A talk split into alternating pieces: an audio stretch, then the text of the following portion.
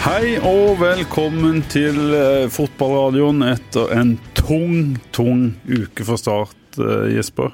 Ja, det blir ikke så mye tyngre enn uh, dette her. Exit mot Fram Larvik i cupen. Det har aldri skjedd for Start i mi levetid. Det var veldig mange år siden, siden Start røk ut i første runde. Andre 57. runde, tredje runde osv. Der har man røket ut. Men på den måten man også gjør det, altså fullt fortjent mot en gjeng med Start Rejects, som har eh, dratt til Larvik, som ikke da følte at de fikk en fair mulighet til Start, eh, som har reist videre dit. og Det er jo gledelig å se at kristiansandere presterer bra, men det er jo litt kjedelig å se at de gjør det da i Fram Larvik. Så all ære til Henrik Byklum og co., som vant eh, fullt fortjent. Det var et flott frispark, og så var det jo en mur som eh, jeg aldri har sett maken til før. Det var en mur som var rimelig svak, rimelig feilplassert, og en keeper som ikke helt forsto hvor muren skulle stå i forhold til han sjøl. Så derfor eh, var det jo egentlig bare Altså, sikkert bare, men Løfte ballen over muren, Ja. og i det lengste hjørnet så var det gjort. det var en relativt enkel jobb. Det skal være ganske mye vanskeligere å skåre fra det holdet der enn det det faktisk så ut som. Så det var en um, ny skrekkopplevelse for Start i 2019. Har det vært mye dårlige prestasjoner. Har riktignok vunnet to kamper i Obos-ligaen, men det har vært mot Koffa og Raufoss, to nyopprykka lag, som man selvfølgelig bare skal slå. Og så har det vært egentlig trøbbel i, i alle andre kamper. Så um, nei. Det er mørke tider på Sparebanken Sør Arena. Det er 57 år siden da, sin, sin start eh, røk ut av, av første runde i cupen uh, sist gang. Vi husker jo den der Vindbjart-kampen der det ble 0-4. Er det kanskje litt sammen, eh, sammenlignbart, eller? Altså, Da ble jo Start totalt rundspilt, og da var jo Vindbjart fantastiske. Det er jo den beste Vindbjart-kampen jeg har sett noensinne. og Vindbjart har levert en god del uh, fine kamper de siste årene med Steinar Skeie og hans krydderfotball, men den kampen der, altså! Daniel Aase, Øyvind Gausdal, Thomas Sernikov, Christian Follerås. altså De rundspilte jo Start. Start ble jo ikke rundspilt i Larvik, men uh, Larvik ville mest, de kjempa mest, og de vant på mange måter fortjent. Så skal det jo også sies at uh, dette tapet, eller at det ble tøft i Larvik, var jo litt varsla på forhånd. Når vi nå ser på hva slags spillere som faktisk sitter i den garderoben, hvordan de har prestert. Også et Lavik-lag da, som eh, spiller i andredivisjon, som er en bra liga, tøff konkurranse, gode spillere. Og de har jo alt å vinne. Så eh, litt Så var det varsla var det. Og så må det jo sies at eh, selv om det ikke er en, en unnskyldning for Start, men en del av de spillerne som har prestert best denne sesonginnledninga, med Sigurdarsson, Skånes, Segberg og Lowe, ikke var, var med. Kanskje det var en, en tabbe. Vi må introdusere gjesten. Ikke bare kanskje, det var jo en tabbe. Ja. Altså, Når du har slitt spillemessig, bruk nå første runde i cupen til å spille på deg selvtillit. Mm. Reis bort, spill fotball, selv om banen ikke er perfekt. Spill fotball, gjør det du kan best, det du har øvd på hele vinteren, så skal Larvik bare slås. Enkelt og greit. Jeg hadde stilt med de elleve beste. ok, Kanskje du kunne spart én eller to, men ikke noe veldig mye mer enn det. Da skaper du en eh, litt feil dynamikk i det laget Mm. som har slitt, som sliter. Og dette her da, fra å kunne være en kamp hvor du spilte på deg selvtillit, til å være en kamp hvor du da spilte deg bort fra enda mer selvtillit. Ja! Vi har en gjest, men bare kjapt, Pål. Jeg har jo ei hjemme som er overgravid. Hun er jo over termin. Og vi var oppe på sjekk eh, på sykehuset tidligere i dag. For det er sånn eh, du da må hvis du da har gått over tida. En såkalt overtidskontroll. Veldig hyggelige folk oppe på sykehuset. Men i alle fall, vi sykla opp. Og jeg ble altså frakjørt så til de grader av ei som er gravid da i 40. eller 41. Jeg vet ikke hvor mange uker man er gravid, men hun er i alle fall eh, relativt nærme slutten. Og jeg ble altså ikke bare passert, jeg ble frakjørt. Så i siste bakken så hang jeg som et slips, mens Trine da allerede var inne og fikk eh, henvist eh, til hvilket venteværelse hun skulle gå til. Så sånn er det. Jeg vet ikke om det sier mest om min form eller Trine sin form, men det går i alle fall bra. Vi håper snart at vi er et familiemedlem til. Men dagens gjest! Men en ting, jeg må si en ting. Ja, en ting blir men det er litt av det gjest vi har i dag. Det kan vi bare si. En ting du aldri blir gjest på, det er jo en bakkeklatrer på, på sykkel. Det Nei, kan vi det blir jeg ikke. Men det skal sies at i de årene hvor jeg var mye skada, det var jeg stort sett som fotballspiller, da hadde vi og Jørgen Rostrup noen tøffe intervaller opp og ned Gimlekollen. Vi hadde altså ti intervaller fra forskjellige steder i bunnen av Gimlekollen og rett opp. Robert Hauge han var med oss en gang, og han fikk sjokk. altså. Han trodde vi kjørte scooter og moped, for det gikk så fort. Da hadde jeg sånn en blå racer, har fortsatt den stående i garasjen, ikke brukt veldig mye de siste årene. Men da var jeg i bra slag også i oppoverbakke. Andreas Hollingen minst like skadeutsatt som meg. Han har prøvd seg på de samme tidene. Var ikke i nærheten. Var altså ikke i nærheten. Jørgen Rostrup han sykla selvfølgelig fram med både med sånn en tung, gammel sykkel, barnevogn, sikkert et par unger i, og fullt av aviser i disse her bagasjebrettene han hadde. Så Jørgen, strålende form. Jeg var også i god form i gang. Og denne karen vi har som gjest, vi må komme til han nå. Det er Ja, på vi, har, tide. vi har han ikke med på telefon, sånn eh, kanskje vi, Nei, vi, skulle trodde jo kanskje det. Ja. Men så meldte jeg litt med han før helga og spurte har du kommet deg ned til eh, Indre Mongolia. Nei! Han hadde ikke det. Han sitter her hos oss. Kjetil Rutaford Pedersen, hjertelig velkommen. Takk for det. takk for det. Hvorfor sitter du her hos oss? Hvorfor er du ikke der det var planlagt at du skulle være? Kort fortalt så er det en gjeng med grådige agenter. Ja, Uh, utålmodige eiere og andre, andre involverte som gjør at dette strander. Ingen god kombinasjon.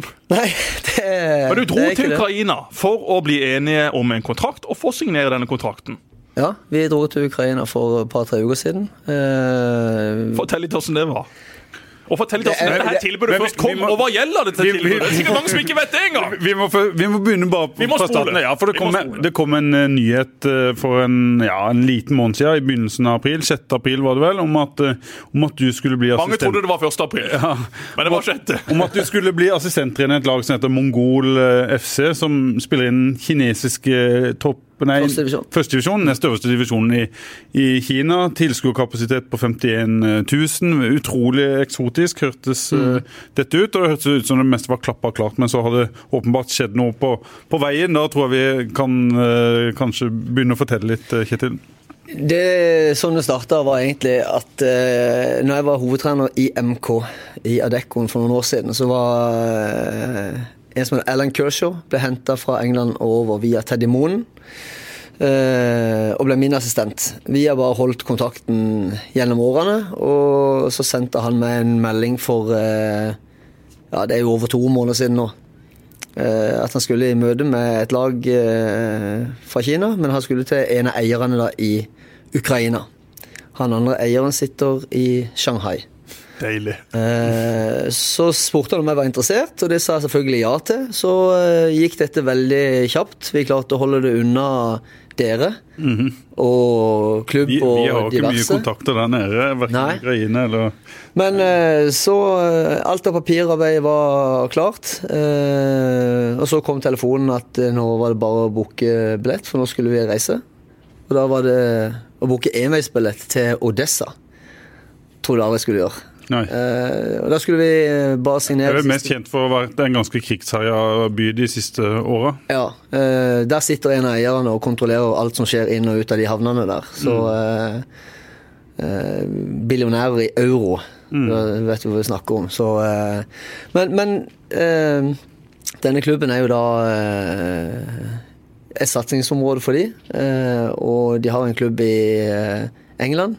Eh, De har en klubb i Frankrike, de har Elche i Spania. Og eh, ja, de trengte en ny trenerteam. Så Alan Kershaw fikk jobben, spurte om jeg hadde lyst til å være med. Og i tillegg til to andre engelskmenn. Så vi var et team på fire eh, som var klare for å reise. Vi møttes i Istanbul og fløy videre sammen til Odessa. Var der i tre dager. Da møtte vi da general, som alle kaller han. Jeg tror han heter Sergej, mer vet jeg ikke. For det var bare general det gikk på.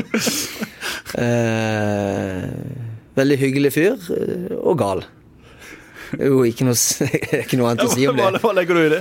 Nei, altså, det kommer noen forklaringer og historier på hva han har gjort, og hvordan han eh, opererer i, eh, etter mørkets frambrudd i eh, Ukraina. Så det kan være greit å ha han som sjef, og ikke som eh, noe annet. Du må passe på hva du sier. da, Kjetil. Ikke veldig, men han var veldig hyggelig med oss, ikke noe problemer. Eh, men så er det da agenter og advokater, og ting skal oversettes og diverse. Så eh, inn fra venstre når vi var i Ukraina, da kom det en agent fra Kamerun som plutselig hadde en connection til Alan Kershaw. Og dette visste vi ingenting om, og i alle fall ikke eieren i Ukraina. Han bare spaserte inn i et møterom, eller? nei, dette kom eh, via mail. Via mail, ja. Da hadde de fått en henvendelse fra han om at han var da eh, representant for Alan Kershaw. Og Det var han jo selvfølgelig da ikke, Nei. men for, mange, for noen år tilbake så hadde de et eh, samarbeid i forhold til noe akademi, og Alan hadde vært der nede og jobba litt for han, og hadde da hans CV. Og da Freide som han var, han agenten, sendte den CV-en til Ney Mongol eh, og sa at han representerte han, og har jo da kommet med krav. Eh, det begynte på 5000 euro, så gikk det opp til 15 000 euro, og endte opp på 200 000 euro. Akkurat. Da, blir det, da blir det dårlig stemning. Når du har en utålmodig eier fra Kina på den ene sida, og en desperat hovedtrener på andre sida som har lyst til å få løst eh, kontraktsbetingelsene, og når du har en imellom som sitter og ja, utpresser folk på begge sider Men hva skjedde med Erlend Kurser? det, det, og det var veldig tydelig. Det, vi, var, vi skulle ned som et team. Ja. Uh, så det var alle eller ingen. Ja. Jeg var lenge i tankeboksen på om jeg skulle bare si at jeg gidder ikke dette, det tar for lang tid, og jeg har for mange hensyn å ta. Eh, Jobb og treningsvirksomheten har jeg vigør og alt sånn. Så, eh, men så gikk det litt på det samvittigheten i forhold til de tre andre, da. Mm. Så derfor lot jeg det egentlig bare gå. Eh, eh, når jeg kom hjem til, til påske. Ja. Og så har det egentlig gått. Så på tirsdag ble det beslutta Da hadde vi agenten vår på møte i Odessa med han fra Ukraina og han andre eieren fra Kina. Så det ble ikke noe jobb på Ellen Kershaw heller, da? Ingen av oss fire kommer til ned i Mongol. Alt Nei. det Det var alle eller ingen. Ja. Hvor, hvordan er det å oppleve For en sånn opplevelse som, som du har hatt nå? Det er jo selvfølgelig bittert og litt sånn kjipt at ikke det ble noe. For eh, både for til erfaringer og opplevelsen og det å være det kunne være en døråpner både for eh, meg sjøl, for alle andre trenere som eh, er i nærheten her, som kunne hatt muligheten til å, å få sånne tilbud eh, etter hvert, hvis de hadde gjort det bra. Eh, økonomisk sett, så selvfølgelig eh, føles det nesten som å ha Du sitter foran eh, lottotrekninga, og så ser du at syv retter går inn, og så skjønner du etterpå at du har glemt å levere Men, kupongen. men hva, hva snakker vi økonomi her, da? Du trenger ikke gå inn på nøyaktig tall, men, men eh, altså, iallfall runde av til nærmeste hundrelapp. Eh, Jeg kan si det sånn at jeg tror ikke det er noen i t- som har den lønna. Nei. Nei, det tror jeg ikke. Og vi snakker netto her, ikke sant? Det er alltid netto det forhandles Alltid nettolønn, ja. Det, det er det. Så det er, litt, det er litt kjipt, akkurat det. Men jeg har aldri hatt de pengene. Ja, jeg har ikke gjort noen investeringer i, før eh, Men, disse men dette, er en stor, dette er en relativt stor klubb, eh, og markedet der er i ferd med å vokse seg stort. Ja, det, det er det. Og uh, disse eierne har uh, store ambisjoner for klubben. De skal opp i Superliga. og de har en haug med penger. Mm. Så det, det det skulle ende opp med i forhold til våre kontrakter, det, det er null. Det er en bugg. Mm.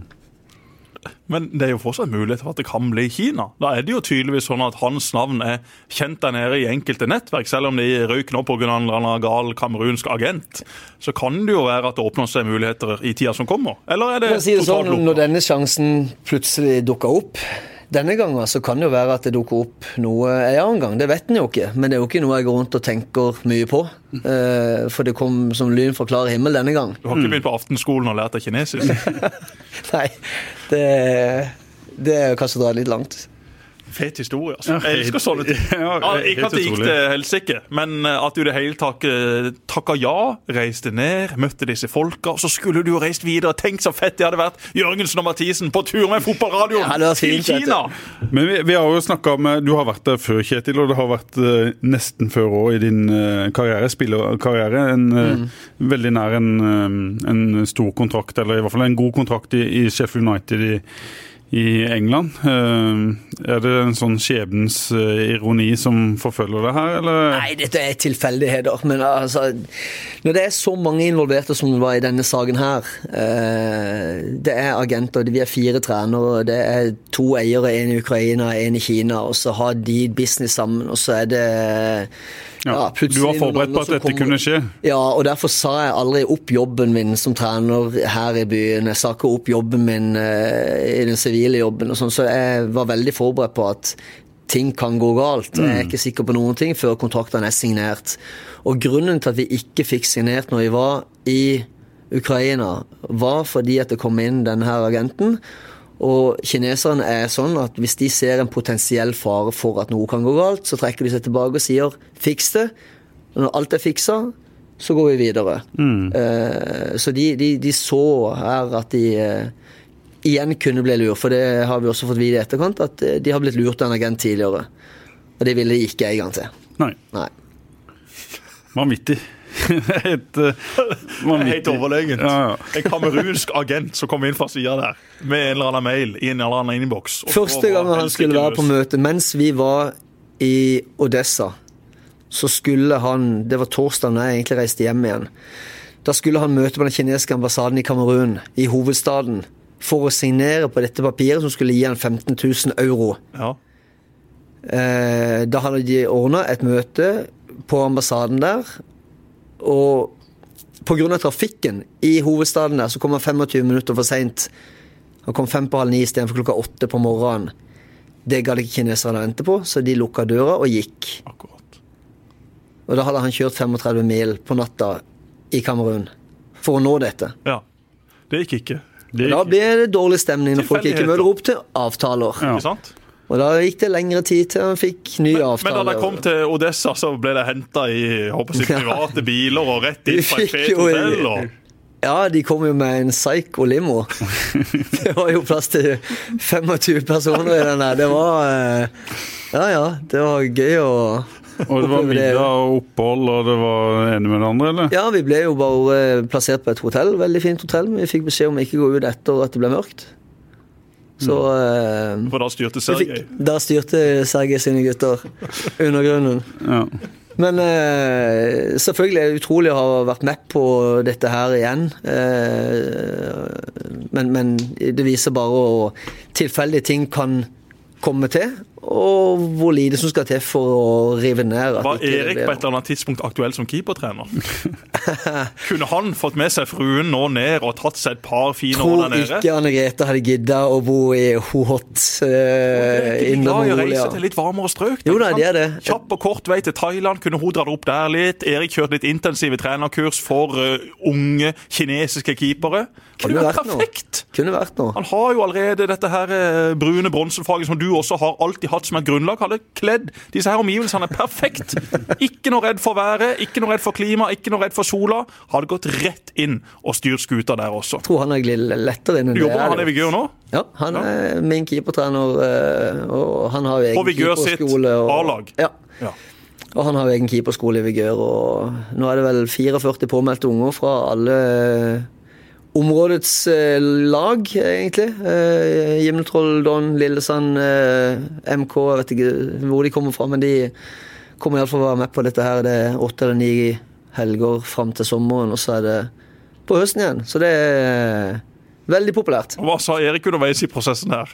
Eh, keep the calm, ikke sant? Det er bare Dere har vært lenge nok i fotballen til å vite at Ja. sånne ting kan skje. Ja, Steinar har jo også vært innblanda i noe av det samme. eh, Og, og uh, vi, vi prater med folk og uh, er på vakt. eh, Så det, som sagt, det var ikke gjort noe eh, innkjøp av ny bil eller eh, salg av noe som helst før uh, ting skulle være på plass. Og for, de som eh, måtte, og for de som måtte lure, så er jo da eh, Kjetil Rutfold Pedersen sønn av tidligere keepertrener Erik Rutfold Pedersen og brora av Steinar, som er tidligere Start-trener. Og det gjør han kanskje litt inhabil når vi også selvfølgelig må diskutere litt eh, situasjonen rundt eh, Start. Men du har vel fortsatt et Start-hjerte, Kjetil? Ja, absolutt. Eh, Jeg har jo også fått eh, arbeidsgiveren min til å være med som sponsor, så mm. selvfølgelig er jeg en veldig glad i Start, og eh, har jo vært der noen år. Mm. Vi har diskutert litt eh, likegyldighet og folks uh, følelser for Start uh, i Fjellandsvennen de siste dagene. Jesper, du har jo vært på banen og, og, og sagt noe om at du, du føler at eh, at folk bryr seg ikke sånn som de gjorde før. Jeg har jo skrevet litt om, om eh, situasjonen også. Hvordan opplever du den, eh, Kjetil? Jeg syns situasjonen rundt Start nå er egentlig bare trist. Eh, Det er utrolig synd å se på det som har skjedd, spesielt de to siste årene etter at Langelandet kom inn. Og alt det som er brukt av penger. Spillere inn og ut, trenere inn og ut. Tor Christian Karlsen og alle de psyko-valgene han har tatt. Eh, og i mine øyne så er de faktisk lenger tilbake nå enn det de var for to år siden. Mm. De har et dårligere lag, de har eh, mindre supportere, de har eh, mindre interesse rundt det. Sponsorer er kanskje ikke like hypa som de var for to år siden da Langeland kom inn og sa at nå skal vi satse stort. Og de gikk jo veldig høyt ut. Eh, Jeg syns det er gjort utrolig mye rart. Er det, eh, følger du med? Ser du kamper? Går du på Sparebanken Sør Arena? Ja, jeg har vært eh, stort sett på alt, men i år har jeg ikke sett et minutt. Nei. Nei. Hvorfor ikke? Eh, Har jo vært i jeg har Ukraina. vært i Ukraina og vært på flyttefot. Men er det sånn at du, du kanskje ikke hadde gjort det uansett? For Jo, det, jeg- det er mer de tingene der som gjør det, eller er det Nei, jeg, det tror nok, at eh, jeg, jeg hadde nok gått på Sør Arena Ja, og, ja. og sett. Det, det hadde jeg, men eh, skal vi ikke grave, da skal vi ikke- grave i det. Jeg skal ikke ta det helt uh, ut her, men, men uh, jeg må jo si at jeg, jeg har jo ikke uh, hoppa i stolen av engasjement og eh, lykkelige øyeblikk av det som har skjedd på Sør Arena den siste perioden. Hvor mye er du prega av at eh, din bror måtte gå, og din far forsvant i kjølvannet? Eh, Det kommer an på, hvis du vil ha svar på det nå, så Ja. må vi sitte lenger enn dere har tenkt. tenker jeg. Nei, men jeg eh, tenker det er naturlig å spørre om Ja, det. For du, du, har jo, du har jo bagasje her, og du Ja. blir jo på en måte ikke Det er i hvert fall viktig for meg å, å, å si at du er jo ikke Du er jo på en måte inhabil når du uttaler deg om, om situasjonen i Start pga. det som har skjedd med, med noen i nær familie. Selvfølgelig er det utrolig kjipt at uh, Steinar eh, måtte gå, og uh, at pappa også forsvant ut dørene, men det er mer eh, måten det ble gjort på. Mm. Eh, si det rett ut sånn, jeg har, for Tor Christian Karlsen har jeg null respekt. Ja. Null. Whatsoever. Da skal vi ikke snakke noe mer om, eh, om TK. Han er jo ikke her for å forsvare seg, så vi må bare være forsiktige for det, med det. Men du, du har så lov, selvfølgelig lov å, å, å si det. Men er er det, klarer du allikevel å, å skille eh, personene i klubben og, og klubben? Kjenner det- du liksom at ja, det er engasjement for Start? og Men det gjør jeg, for jeg Nå holdt jeg på å si eh, logoen, men eh, for, for klubben finnes Nei, men. Jeg har kjemperespekt for, eh, for eh, mange av de som jobber i klubben. Jeg, en av mine beste kompiser sitter som markedsansvarlig. Og eh, jeg har eh, fått Fransefoss til å gå inn som sponsor. Og selvfølgelig er jeg glad i klubben, eh, samme som Jesper. Altså, vi må få lov til å være veldig kritiske til ting som har skjedd, og måten det er skjedd på. Mm. selv om vi oppriktig ønsker at Start skal være i toppen av norsk fotball. Det har ingenting som har vært gøyere. Men, men det er klart når du ser på hva som har skjedd siden Sør Arena ble bygd Trenere, spillere, eh, ledere Det er jo et komplett kaos. Men klarer du å se noe som Det er jo veldig lett å, å, å sitte og se at ting går galt, og så, og så kan jeg tenke i ettertid at det skulle blitt gjort noe annerledes. Klarer du liksom peke på en eller to ting som du gjerne skulle sett eh, hadde vært eh, en vei å gå for, for Start? Det er jo lett å sitte og være Hva ville du gjort nå hvis du liksom hadde etterpåklok, ikke sant? Når ja, Ja, ja, du ser hva, som, hva de har henta inn av spillere i år, og Lars Jørgen Salvesen har forsvunnet til en annen klubb, som bare tar han som et eksempel. ikke Mm. Det er en lokal gutt som har et enormt potensial og sånt. men det, det er jo grunner til at uh, spillere forsvinner under og ut av klubber. Uh, og ting forandrer seg, lag forandrer seg, trenere kommer inn. Men eh, kontinuiteten og ja, hvor Start vil henne, det stiller jeg spørsmål til meg. Mm. Hva er strategien deres? Hvor, hvor, hvordan skal de komme dit de ønsker å være? Mm. Jeg syns de vakler veldig, og eh, jeg tror ikke det hjelper å ha tre-fire hovedtrenere hver 18. måned, altså.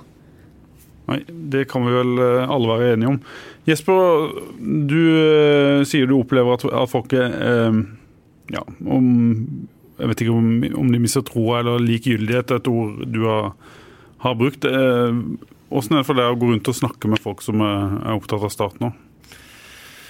Det er jo litt trist. Jeg må innrømme det. Nå har jo Stort gjort det dårlig, og det å gjøre det dårlig er for så vidt én ting. Det vil jo svinge i alle fotballklubber. Det svinger i United, og det svinger i Ajax og det svinger i Start. Altså Sånn vil det være når du ser på en fotballklubbs historie. Men nå har jo Start vært eh, voldsomt til å svinge. og nå er det jo på et uh, historisk bunnpunkt på veldig mange vis, med tanke på hvor mye penger som faktisk er brukt. Og det klareste beviset for meg er jo eh, kampen mot Sandefjord på eh, søndag eller lørdag. Lørdag halv fire. Ja, det er lørdag halv fire. Det skjer enkelte andre ting i byen, men det var altså utrolig lite folk. Jeg har aldri i mitt liv vært på en startkamp og sett så få kjente. Jeg kan normalt sett se meg til høyre, til venstre, opp og ned.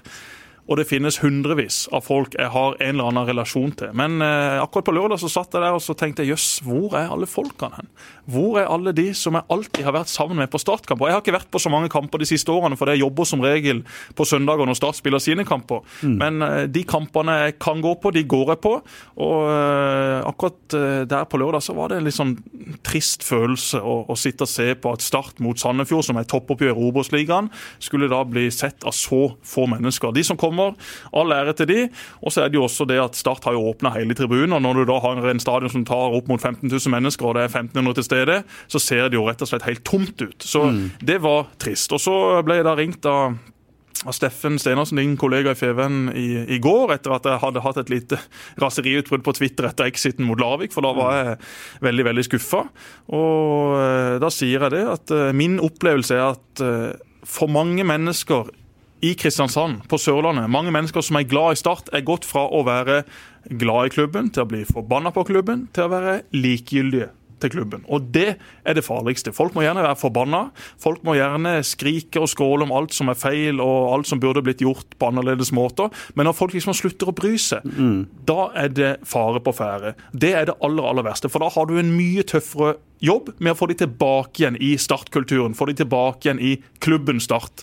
Og der har jeg et inntrykk av veldig mange nå. Folk jeg kjenner godt, folk jeg ikke kjenner så veldig godt. Altså Når jeg går rundt i byen, det er ikke så veldig mye jeg vandrer rundt i byen, men jeg vandrer jo på butikken eller på eh, ja, andre steder, og da møter jeg jo mange mennesker som da forbinder meg med Start med en gang. og mm. Du skulle jo tro at jeg gikk rundt med en fotball som hue, og da er det selvfølgelig fotball de skal prate med meg om, og veldig ofte Start. Og Det folk sier, er at jøss, nå er det nå er det trist og kjedelig med Start, nå er det det samme igjen, og ditt og datt. Altså, så kommer det liksom forskjellige historier fra forskjellige mennesker. Og det er selvfølgelig vondt. Og jeg har jo et utrolig stort hjerte for Start, sånn som Kjetil har, sånn som Erik Rutford har, sånn som Steinar P har.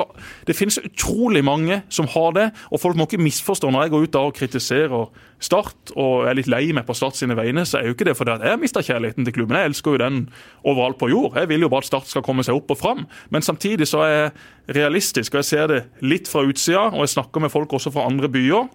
Og når da Monica Grimstad går ut og svarer på mine utsagn med at hun har ikke merka noe til at engasjementet rundt Start har håper jeg, gått litt ned. Da lurer jeg på om Monica Grimstad bodde i ei hule de siste to årene. For hvis ikke folk innad i klubben. Har merka det, hvis ikke folk innad i klubben evner å zoome litt ut og faktisk få med seg hva som har skjedd og hva som skjer, mm. da blir jeg rett og slett skremt. Hun sier også det at hun jobber i Avigo, og når hun da treffer folk, så er det Start de vil prate om, fremfor Avigo. Ja, altså, Hvis du er styreleder i Start og har vært så profilert, og hvis folk skal snakke mer med deg om Avigo enn Start, da kan vi bare legge inn i klubben. Med all respekt for Avigo og alle andre vanlige jobber, men når du er styreleder i Start og har vært så profilert som hun har vært de siste månedene, pga. denne Kjetil Rekdal-saken. Mm. Selvfølgelig så snakker folk mye mer med henne om Start enn de gjør om Avigo, uten at jeg vet altfor mye hva som skjer i Avigo. Det samme eh, er jo med dette som går på engasjement rundt Start. Ja, Feven har veldig mange klikk, veldig mye interesse rundt Start. Det er jo kjempebra for mm. Start. Det er utrolig gledelig at den interessen ligger latent. Men det er jo også sånn at det har vært mye oppmerksomhet rundt SAS den siste tida, fordi de streiker. Mm. Det blir også mye oppmerksomhet rundt SAS hvis to av flyene de sine styrter, ett på Kjevik og ett på Gardermoen. Mm. Da får du masse gode artikler for dere å skrive om, masse klikk, masse interesse, masse annonseinntekter. Men Fordi det er krise? Det vil jo ikke si at det er positivt på alle slags mulige måter. Ja, Kjempebra at det er interesse rundt SAS, men det var jo fordi at to av flyene styrta.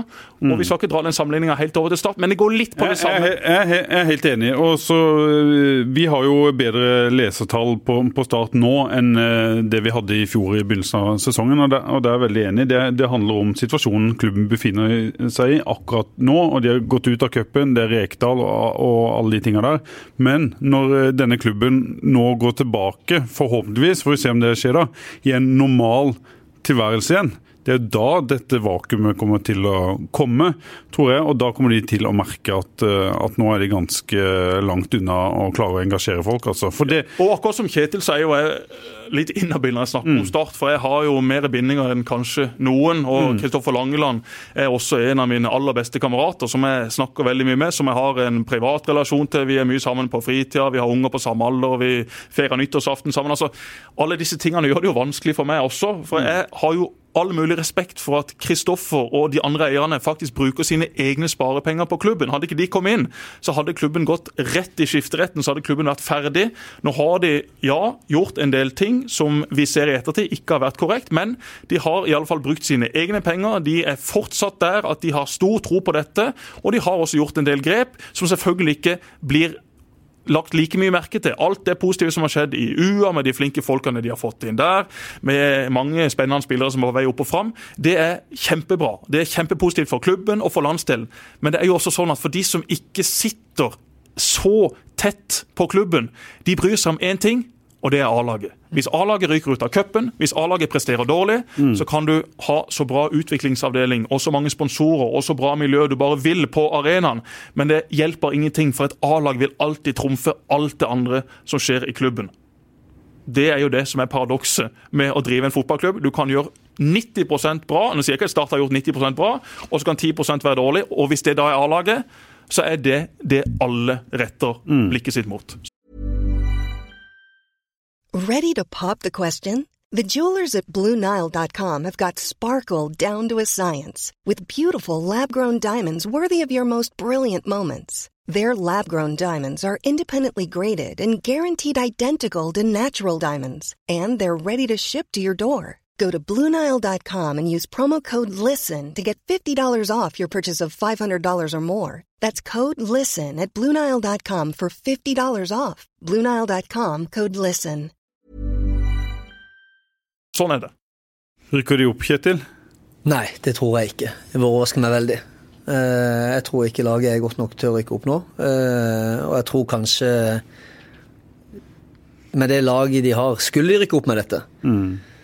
så tror jeg ikke det er godt nok til å holde seg i Eliteserien. Da er det ned igjen. Og jeg vet mm. ikke hva som er best, å rykke opp og rett ned igjen, eller Bygge et lag bygge, kan Bygge litt, grann, eh, og, som er mer bærekraftig når de da tar turen opp. Mm. Eh, hadde vært utrolig gøy å få eh, starte opp, men eh, jeg tror nok de må belage seg på i alle fall en sesong til. Og Der er jeg uenig med Kjetil. Mm. Jeg tror Start rykker opp. Eh, jeg tror Jeg er litt mer i tvil om Start rykker opp. Mm. Såpass ærlig må jeg være. Men at det mannskapet er godt nok til å rykke opp, det er jeg dundrende klar på. Mm. De har uh, spillere egentlig i hver eneste lagdel som går uh, langt utenpå de aller fleste lagene i Obos-ligaen. Det er Ålesund mot, det er Sandefjord mot, og så er det Start. Mm. Du ser egentlig ingen andre lag i Obos-ligaen nå som kommer til å være så stabile at de kommer til å ta opp kampen mot disse tre. Start har ikke prestert godt, men allikevel, de har nå syv poeng. Det er ikke noe krise sånn rent tabellmessig enda, men det som gjør meg litt skremt og mye mer usikker enn det var før sesongen, er jo måten man har fremstilt fremstått på. Mm. Hjemme mot Strømmen på søndag. Der forventer jeg at Start går ut høyt. Spiller på Strømmens halvdel, har fullstendig kontroll på den kampen og vinner komfortabelt. Hvis det der blir en slitekamp, hvis det blir uavgjort, en knepen seier, da fortsetter denne her usikkerheten å bre seg. Men kampen på søndag mot Strømmen, altså. Strømmen har en flink ung trener, mm. men Strømmen er altså et lag som nesten ikke har penger til å lønne spillerne sine. Det er en klubb som på mange måter blir drevet på dugnad. Start skal bare feie det Strømmen-laget av banen. Hvis ikke, så blir jeg faktisk veldig veldig skuffa. Det sier jeg selv om Start har prestert såpass svakt som de faktisk har gjort spillemessig. Nå forventer jeg at spillerne også faktisk forstår, innser alvoret i situasjonen. For ja, uansett hva slags plan Joey og co. hadde lagt i Lavik, hvis ikke du vinner dueller, hvis ikke du er opptatt av faktisk komme til den kampen og være forberedt på hva du møter. Ja, banen er dårlig, Kjetil, men du har spilt på mye dårlige baner opp igjennom, du også. Hvis du er et bedre lag enn motstanderen din, spill nå bare den fotballen du skal. Så ruller du over det Larvik-laget. Ja, Du skal ikke ryke ut mot, uh, mot Larvik i, i cupen. Du skal ikke det. Jeg var med når jeg spilte i Molde, så røyk vi ut mot Stryn i første runde. Så jeg, jeg har kjent på den følelsen. Da var Koga Hareide veldig uh, blid, for å si det mildt. Uh, så, så det, er ikke, det, er ikke, det er jo ikke det som er liksom den store krisen akkurat nå. Det er den siste kampen. i av cupen. Ja, det er utrolig at det skjer. Men nå må de tenke litt lenger. Nå skal de opp i Eliteserien. Det er målsettinga deres. Men, men ja, og cupen si, det gir jeg blaffen i i 2019. Uansett, Start hadde ikke kommet til cupfinalen med dette laget uansett. Nei, men Det er vel situasjonen som er utfordringa for, ja, for laget nå. Det er ikke tapet isolert sett i Larvik som gjør at jeg omtaler dette her som ei aldri så lita startkrise. Nei. Det er jo det totale bildet, hvis du legger sammen alle de tingene som har skjedd den siste tida, så blir situasjonen ille for folk utad, og jeg vil også tro for en del folk innad. Ja, det er jo uh, poenget. Men er ditt poeng at det er potensial i spillergruppa, men de er ikke i nærheten av å få det ut? Eller er poenget ditt at uh, Nei, denne tror... spillergruppa er ikke god nok? Nei, altså, uh, At det er spillere med stort potensial i spillergruppa, det er det jo ingen tvil om. Eh, hvis du tar spiller for spiller. Men, men, eh, akkurat nå så tror jeg relasjonene og eh, det som går Altså det lagmessige ja, da, da, er vi, da, er vi, mer enige. Ja. Det var jo liksom det jeg ville bare ha fram. At jeg syns at Spillergruppa, ja, det har ikke vært innertier på alt av signeringer. På relativt få har det faktisk vært det, om noen. Mm. det har vært det på. Men hvis du da lister opp de spillerne, hvis du ser på den elveren Start faktisk kan stille, så er jo det et lag som selvfølgelig bør rykke opp. Men vi ja, snakker om det siste. Jesper, nå, nå spilte men, sist Start en kamp som du Tromsø hjemme i fjor! Ja, du, det, er det, er jo en sånn en kamp du vil ha. Hvor du virkelig husker at jøss, dette var fett! Det er sånn medisin du vil ha nå. Jeg gleder meg til neste Startkamp på Sør Arena. Ja. Det er den følelsen du vil at folk skal gå hjem etter kampen mot Strømmen på søndag. Det er jo den følelsen alle vil ha, er det ikke det? Et startlag som Selvfølgelig, Men du hadde ingen av de kampene i oppkjøringa. Du hadde ingen av de kampene etter at Rekdal kom, for Rekdal skulle snøre igjen. Han skulle mm. spille på en mye sikrere, safe måte å prøve å redde plassen. Og det da ikke gikk, så hadde det heller ikke vært noen sånne kamper i sesongdelinga. Jeg tror trenere spillere, ikke minst alle som da sitter på arenaen, hadde selvfølgelig ønska det der ekstremt velkommen. For det er medisinen Og det kan være mm. det som får en del av disse gutta til å tenke jøss. Vi kan jo faktisk. Vi kan jo faktisk. Men nå har de hatt veldig mange dårlige opplevelser. Og idet jeg snakker om det, så går David Toska forbi vinduet vårt her på Oslo Fotballradio. Har akkurat samme lusekofte. men, men, dere som har vært uh, spillere og vært med opp- og nedturer. Du i Start, uh, Jesper, og du Kjetil, sikkert uh, flere steder. En, en slags totalsituasjon i en klubb der en enten sliter økonomisk, det er andre ting som gjør at en, en sliter. Her er en satsing som har slått feil, og en rykka ned da en skulle etablere seg i, i toppen av norsk fotball, som jo var, var målet. Hvor mye preger det en, en spillergruppe når, når ståa i en klubb på en måte ikke er som en uh, vil? At de går rundt og tenker på det sånn hele dagen, det gjør de nok ikke. Men, men at, at, de kjenner på presset, det, det, vil de gjøre. Eh, de syns jo sikkert også det er kjipt å, å, komme ut av tunnelen og skal spille toppkamp eh, mot Sandefjord, og så kan du holdnilse på alle som er der. Mm. Det er, noe, det er ikke noe god følelse at ikke du kjenner at du har den tolvte mannen i, i, ryggen. Du skal ut og spille en, en toppkamp. Eh, interessen rundt klubben og sånne ting, de, de, de kjenner på det, det når de går på butikken og sånt. Men, men det er bare de som kan gjøre noe med det. Mm. Eh, den kvaliteten de leverer på, eh, på, treningsfeltet hver dag, det tar de med seg ut i kamp. Og nå er det jo opp til Joe og de andre å, å få tilbake den der entusiasmen i spillergruppa, og det at de tror på seg sjøl. Og få fram det beste i, i hver enkelt spiller. Og så, eh, når de får sluppet ned skuldrene, og sånne ting, så kommer de sikkert til å vise hvor gode de kan være. Men jeg tror det vil variere veldig tøffe bortekamper får de, og, og, de vil også få lag på besøk på Sør Arena som legger seg ekstremt lavt. Eh, og tettere igjen alt av rom, og da, skal, eh, da er det Start som skal styre alt og være kreative. og Hvis ikke relasjonene sitter og løpene kommer noen pasninger altså det, det, er mange ting som skal stemme da. Mm. Eh, vi vet hvor vanskelig det kan være. Så uh, Så er jo mai en utrolig avgjørende måned. Nå spilles det veldig mye kamper. Nå slipper jo Start å spille flere runder i cupen, men allikevel De slipper kanskje et par uh, kamper til senere i, i mai. Det kan jo skje litt uh, ting med, med to spillere i U20-VM, så kan fort to av kampene bli, Ja, bli utsatt ja, også, vel. Men sannsynligvis så blir det Men kamper på søndag, kamper. ja, Ja. ekstremt viktig. Ja, selvfølgelig. Strømmen har bytta trener. Ole Marius Nessel Kvist har kommet inn der. Eh, Vi satt jo den sammen, yngste Jesper, og, på høyt nivå. vi satt sammen og så Strømmen på Marbella for eh, ja, Det begynner vel å bli et par eh, måneder siden. Det var ikke, var ikke det store, men litt sånn leit lag å, å møte. Kanskje litt fysikk. Nordløse Norheim fra Flekkerøya. Han kommer ned. Han er klar for å senke Start. Nå ble Start senka en gammel starter på en del fysikk i det laget. Ja, mye fysikk i laget. Og det må jeg bare si. Det finnes jo mange forskjellige trenere i våre øverste divisjoner. Men uh, Mr. Nesselquist har jeg litt kontakt med. Har kontakt med mange trenere og spillere for å være forberedt til sending. Og før en kamp så fikk jeg tilsendt da hvordan han forberedte seg til en motstander. Og det var altså 15-16 sider i eh, Powerpoint med plansjer om eh, styrker og svakheter hos motstanderne. sannsynlig Men Lager han dette til seg sjøl eller til spillerne sine? til seg sjøl og spillerne. Delte ut, så spillerne da fikk dette å lese på. Og så spurte jeg jøss, dette var litt av en jobb. Så sier han ja, men er ikke dette noe alle trenere gjør? Det tror jeg ikke alle trenere gjør. Det tror jeg veldig få trenere gjør. Jeg tror at den nye skolen med nye yngre trenere som ikke har vært med i en årrekke, har et litt annet syn på dette her. Det som går på analyse, forberedelse, det å faktisk bruke mye tid på det, det tror jeg mange holdt på å si, etablerte trenere har mye å lære av. Jeg tror heller aldri vi kommer inn i den eh, formen, fordi at de har gått en skole. Den nye skolen som kommer nå, med trenere, de har et litt annet syn på dette som går på forberedelse, måten de jobber på. Og, eh, Det er sikkert noen som vil si at det å gi for mye informasjon og bruke for mye tid på jo, men det var ikke veldig mye informasjon. Det var et par punkter på hver spiller. Ok, Hvis du som venstrekant vet at du skal spille mot han høyrebekken, så er det jo faktisk sånn at veldig få spillere utrolig nok er forberedt på hva slags fot bruker han.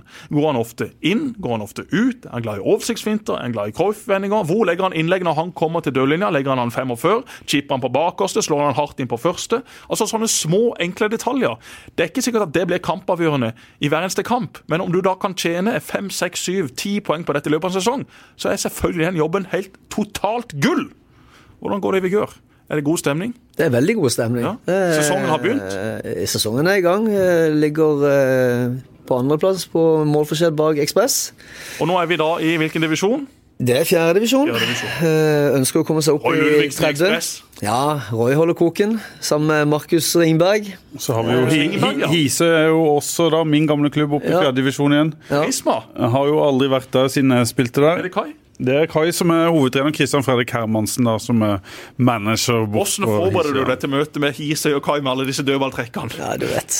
Kai er en skrue. Uh, Jeg, jeg har jo sett, eh, sett dette nå, det er jo fantastisk. De hadde jo en dødballvariant her når de, de spilte for et par uker siden. Det var vel serieåpninga. Ja. Hvor alle spillerne omtrent starta altså på midtbanen. Ja. Og løper sakte, men sikkert i en sånn liten flokk inn i, inn i 16-meterfeltet til motstanderen. Og så kommer ballen, og så skjer det ingenting. Det skjer ingenting. Nei, nei. Ja, men dette må vi jo overføre. Ja. Vi må jo lage sending om kampen Må se om på. jeg kan finne det Vigør Hisøy, det må vi jo på dekket, altså. Ja, det- Full rigg. Ja. Kanskje ikke så lenge. Det er Jeg ikke sikker på når vi skal møte Hisøy. Det Men eh, ja, vi har eh, Flekkefjord eh, i morgen. I Flekkefjord, på Uenes gress. altså. Flekkefjord i for å sitte Jeg var der og i kikka Kina. på der. eh, Ja, jeg måtte kjøre bort til Grimstad og se Jerv 2 Flekkefjord for å spionere litt på mandag. Du er der altså, Kjetil? At Måtte du jo gjør det? Ja, må forberede seg litt. Så hadde det blitt sånn på tirsdag at jeg hadde reist til til London for å signere papirer og komme seg videre, så hadde noen andre fått gleden av å bruke dette. Men Ja. eh, jeg har iallfall forberedt meg på kamp mot Flekkefjord i morgen. Mm. Hva, hva er målet med Vigør? Eh, klubben ønsker å utvikle spillere. De skal være talentfabrikken. Eh, og det har de vært i en årrekke og produsert haugevis av gode spillere. Eh, i, eh, Det er alltid farlig å svare på det, men hvem er, hvem er det neste? Hvem er de neste? På Vigør akkurat nå? Ja. det er et par eh, unge talenter. Eh, det er det. Vi har Hva som er yngste jeg har på laget mitt nå, eh, som er Peivast Hama. Han er en bra spiller. Han har vært og uh, lukta litt på startmiljø og sånne ting. Det er ja, det, det er noen spillere vi gjør som, som kan komme seg noen vei. Men igjen så handler det om eh, hvor mye vil du dette? Ja. eh, i forhold til tidsbruk. Men det forteller du. Eh, Det må jeg prøve. Forteller de hvor lista ligger. Ja, jeg har iallfall sagt at eh, det er veien å gå. Eh, og så, eh, så får de jo se hva de eh, Men hva er du? Er du trener for en gjeng unge, eh, ambisiøse spillere, eller er du trener for en, en gjeng med spillere litt opp i 20-åra som har lyst til å ha det gøy og gå på byen på lørdag? Eller Dette en, en, en, det er en kombinasjon? blanding. Ja. Det er en blanding. Eh, vi har eh, 17-18-åringer som trener mye og veldig klar på at de har lyst til å trene mye og så se hvor langt de kan komme. Ja. Eh, og så har vi spillere som eh, spiller for å ha det gøy og det sosiale og sånn, Men, men det kan jeg si, jeg er imponert av gjengen i Vingør. Eh, fordi eh, vi trener fire til fem ganger i uka, eh, inkludert kamp, da. Og eh, det er veldig godt trykk. Og jeg syns det er veldig gøy å være på feltet med denne gjengen her. Det er ikke noe sånn jeg kommer ikke opp dit og er aktivitetsleder. Det her er de, de hører etter, og vi, vi jobber med ting. og Det er fordi de ønsker å, å oppnå resultater. Klubben ønsker å opp en divisjon. Eh, Om det skjer nå i år eller til neste år, det får vi bare vente og se. Men eh, klubben har eh, ambisjoner om å levere gode resultater med A-laget. Og så produsere gode talenter eh, som vi kan sjøl bruke på A-laget, og som eventuelt kan komme seg videre til andre klubber på høyere nivå. Dine egne ambisjoner, nå har vi hørt denne, denne eh, historien om uh, potensielt uh, Mongolia, men er du der at du har, har lyst til å bli topptrener? Uh, nå har jeg A-lisens, så jeg kan ikke være trener i høyere enn Obos eller ja, altså jeg kan ikke være assistent i Jeg kan, være- jeg kan være assistent i, i Eliteserien, men, men hva som skjer på sikt, det er det jo flere ting som avgjør. Alt i forhold til familiesituasjon og uh, muligheter som dukker opp og, og sånt. Det, det får liksom ta som det kommer. Uh, det som skjedde i, i Kina, det kom jo som lyn fra klar himmel, som sagt, i stad. og Dukker det opp noe sånt, så får en vurdere det. Det, det er ikke noe jeg går rundt og bruker mye tid på. Det, jeg syns det er veldig gøy å drive med fotball og være i miljøet og være på feltet. Og så, så får vi se om det blir at jeg fortsetter med seniorfotballen, eller om jeg går ned om noen år og er mer opptatt av spillerutvikling og, sånne ting. Det, vi får se hvilke muligheter som dukker opp. Men eh, ja. Du er ikke der, Jesper. Du eh, skal være fotballekspert, eller? Har du lyst til å bli, har du lyst, Savner du fotballfeltet? Jeg savner jo å spille og trene og spille fotball. Det gjør jeg. Men fotballtrener? Ja, jeg blir vel det på et eller annet tidspunkt for um, iallfall en av mine egne sønner, han som er på vei ut. Satser på at vi kan i alle fall få det til med han. Jeg, jeg, så, det å være fotballtrener virker jo veldig gøy. Samtidig så, så er det, det er en del ting der som liksom ikke trigger meg så voldsomt. da, Hvis du skal snakke om på det øverste nivået. Ta Steinar som et eksempel, da, som, um, som blir fotballtrener, gjør det bra i Jerv, kommer til start. Får etter hvert uh, fyken der. Uh, tar og jobber litt som uh, kretsansvarlig i Telemark. Mye Lite, lite forutsigbarhet? ja, altså Mye pendling, ikke sant? Ja. Og Nå er han i Arendal, og det er jo en klubb som har potensial, og som ligger i sånn sett nabolaget. Men det er veldig uforutsigbart å være fotballtrener. og jeg er ikke så veldig fan av det. altså Jeg er utrolig glad i å bo der jeg bor, ha faste rammer. Jeg har ikke noe interesse av å drive og flytte rundt. Optimalt sett så skulle jeg bodd i Bergen eller Oslo med tanke på den jobben jeg har, men da tar jeg heller og, og reiser noen flyturer ekstra, og så kan jeg kombinere det på en fin måte. Jeg har drømmejobb i TV 2, så jeg har ingen eh, planer eller ambisjoner om å flytte på meg de nærmeste årene.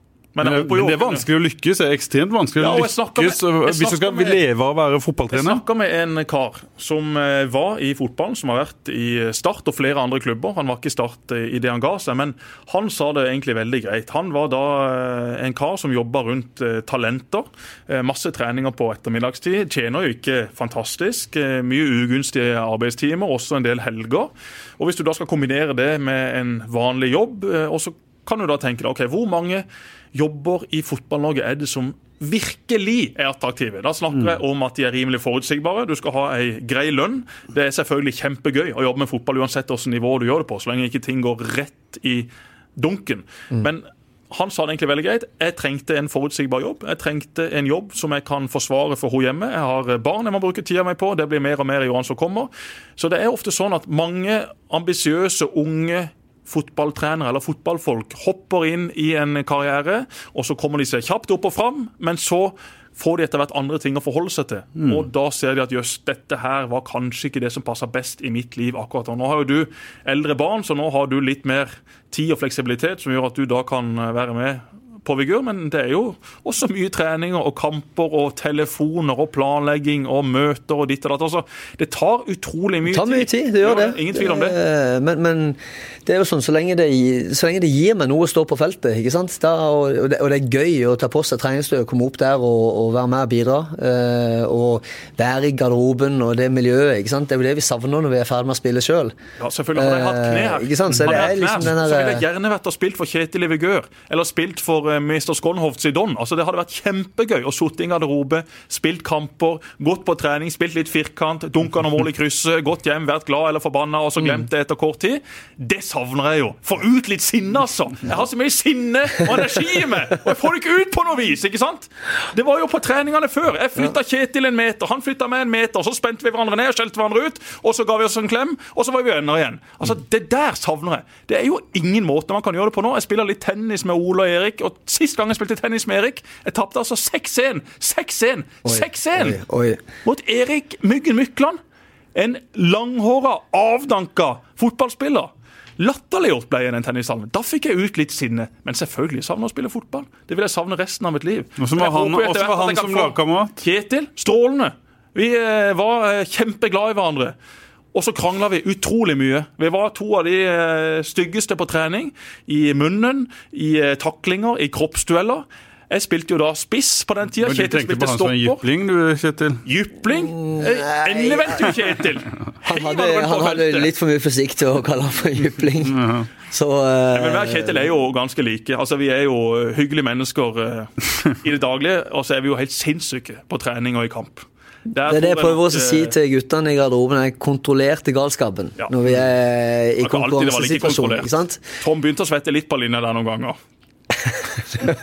Det har vært noen situasjoner som uh... Det var noen treninger på La Manga der, altså. ja, Det var vilt noen ganger. Det var den ene treninga. Det var godt ikke eh, de hadde fått opp kameraene. Ja, det var det. Det var veldig greit. Nei, men vi og Kjetil vi har alltid hatt et godt forhold. Masse humør i Kjetil. Det eneste jeg utsetter på han er at han er Liverpool-fan. Og han er jo ekstremt oppesen i år. Det ender kanskje med null titler, men jøss for en fotball de spiller. altså. Også kampen mot Barcelona. Uheldige. Selv om Ja, men du har Messi. Og, Ja, vi skulle skåra et par mål sjøl. Så på den kampen med et halvt øye. da, Det var ikke sånn. Liverpool eh, produserte kjempemye sjanser, men den fotballen de spiller, utrolig gøy å se på. Klopp går og klapper og gliser med de flotte hvite tennene sine. Altså, Det er jo sjarmerende å se Liverpool spille fotball i år. altså, Det kan jeg si. Selv om jeg har alltid vært stor United-fan. Ikke like stor nå. Det har uh, tatt uh, litt andre veier de siste årene at jeg skal være liksom fanatisk United-mann. Men du må jo være stolt over det det- laget de har prestert. Ja, men de er gode, det, og, og de inspirerer jo eh, alle oss som er glad i fotball, og prøver å ta ut noen av ideene og måten å spille på og det, der, det trykket de har i, i eh, kampene sine. Eh, det er klart, mot Barcelona så eh, taper de fullt fortjent. Eh, men eh, et mål eller to eh, kunne de fort ha skåret. Sala i stolpen på slutten Hadde der de fått den, så hadde dette her hadde vært en helt annen kamp på Anfield. Det er ikke umulig, men det blir ekstremt vanskelig. Eller 50-50, som Tore Helgesson ville sagt. Det får du holde til det B-lagsgreiene Ja, dine. han sier jo alltid det. Han sier jo alltid det. Ja, han gjør det. Ja, Det er helt det er helt korrekt. Nei, for å bare avslutte det i stad, Ja. Dette som går på å være trener. Du er jo trener for din sønn. Det gleder jeg meg Ja, ja. til. Å stå gøy. på feltet med de er noe på turneringer til Danmark. Det er jo mye heller det jeg vil bruke tida mi på, enn å trene en gjeng som på mange måter aldri kan bli noe. I Vigør så har du jo mange spillere som faktisk kan bli noe, men de som Mm. trener 25 28-åringer som har fått 10 kilo ekstra, og som eh, aller helst vil sitte hjemme og spise Grandis og drikke øl og se på fotball, ja. det kommer alle til å gi meg noe. Men da må han jo begynne på et vis, må han ikke det hvis han skal bli noe? Apropos eh, mine gutter, vi spilte da kamp i går og øver på, på frispilling. er liksom det, det nye nå. Nå er de blitt ni år. Nå driver de og frispiller seg inn i eget mål. Det er, veldig- det er veldig gøy. Jeg tror vi vant eh, 1912, kanskje. Eller, 1912, ja. Jeg kan tippe det ble noe sånt. Ja. Sånn går det når du øver kun på liksom å å spille oss fri. Men vi, vi klarte det. Men det ble noen eh, i sekken nå. Sånn må det er være. gutta? De er- De er ni og ti. Ja. Ja, ja. Ti år til, da. Ja. Så kommer det en gyllen generasjon fra Gimlekollen og Fagerholm. Ja, det gjør det. Så jeg bare venter og se. Alle må ha tro på sine egne gutter. Selvfølgelig. Ja, Selvfølgelig. Ja, Nå skal jeg ut og jogge med en tur med Roy Emanuelsen i Egersberg. ja det, du må hilse Roy. Han satt jo fast i Spania et par dager ekstra fordi at eh, SAS streika. Og eh, Han kunne jo riktignok bli booka om, men han tenkte jøss. 25 grader, basseng, strand. Jeg kan ta et par Skype-møter med universitetet. Dette løser seg veldig veldig greit. Så Roy han er kommet hjem. Like solbrun og fin som han alltid har vært. Så nå skal vi ut og eh, vi jogger. Vi går litt i motbakker. Vi har en god prek. Vi har fokus på å hilse på alle vi møter. Veldig hyggelig, altså. Og når. Og når er neste kamp, sa du Kjetil, det var Flekkefjord 2 som sto for Nei, Flekkefjord som sto for, for I morgen, morgen klokka tre. På Brun Arena. UNS gress. På UNS gress. I Flekkefjord. Så i dag har vi trening klokka fem. Ei lett på tåøkt, som vi kaller det. Dagen før kamp. Og de var alltid gøye. Eh, de er gøye. Dagen før kamp. Det er firkant og humør og eh, Litt avslutninger. litt avslutninger og kanskje litt grann trening drilling. Og, eh, ja, jeg er med. De, de liker jo at jeg er med i firkanter. Ja. Så jeg kan være med og bidra litt i botkassa. og Fungerer rimelig bra, den. Ja, når jeg tar et par Voltaren før trening, så klarer jeg å gjennomføre 20 minutter. Så jeg føler meg, jeg føler meg kjempeform. Nei, men det, det går greit. Eh, Det er gøy å være med og kunne spille litt, iallfall. Yes.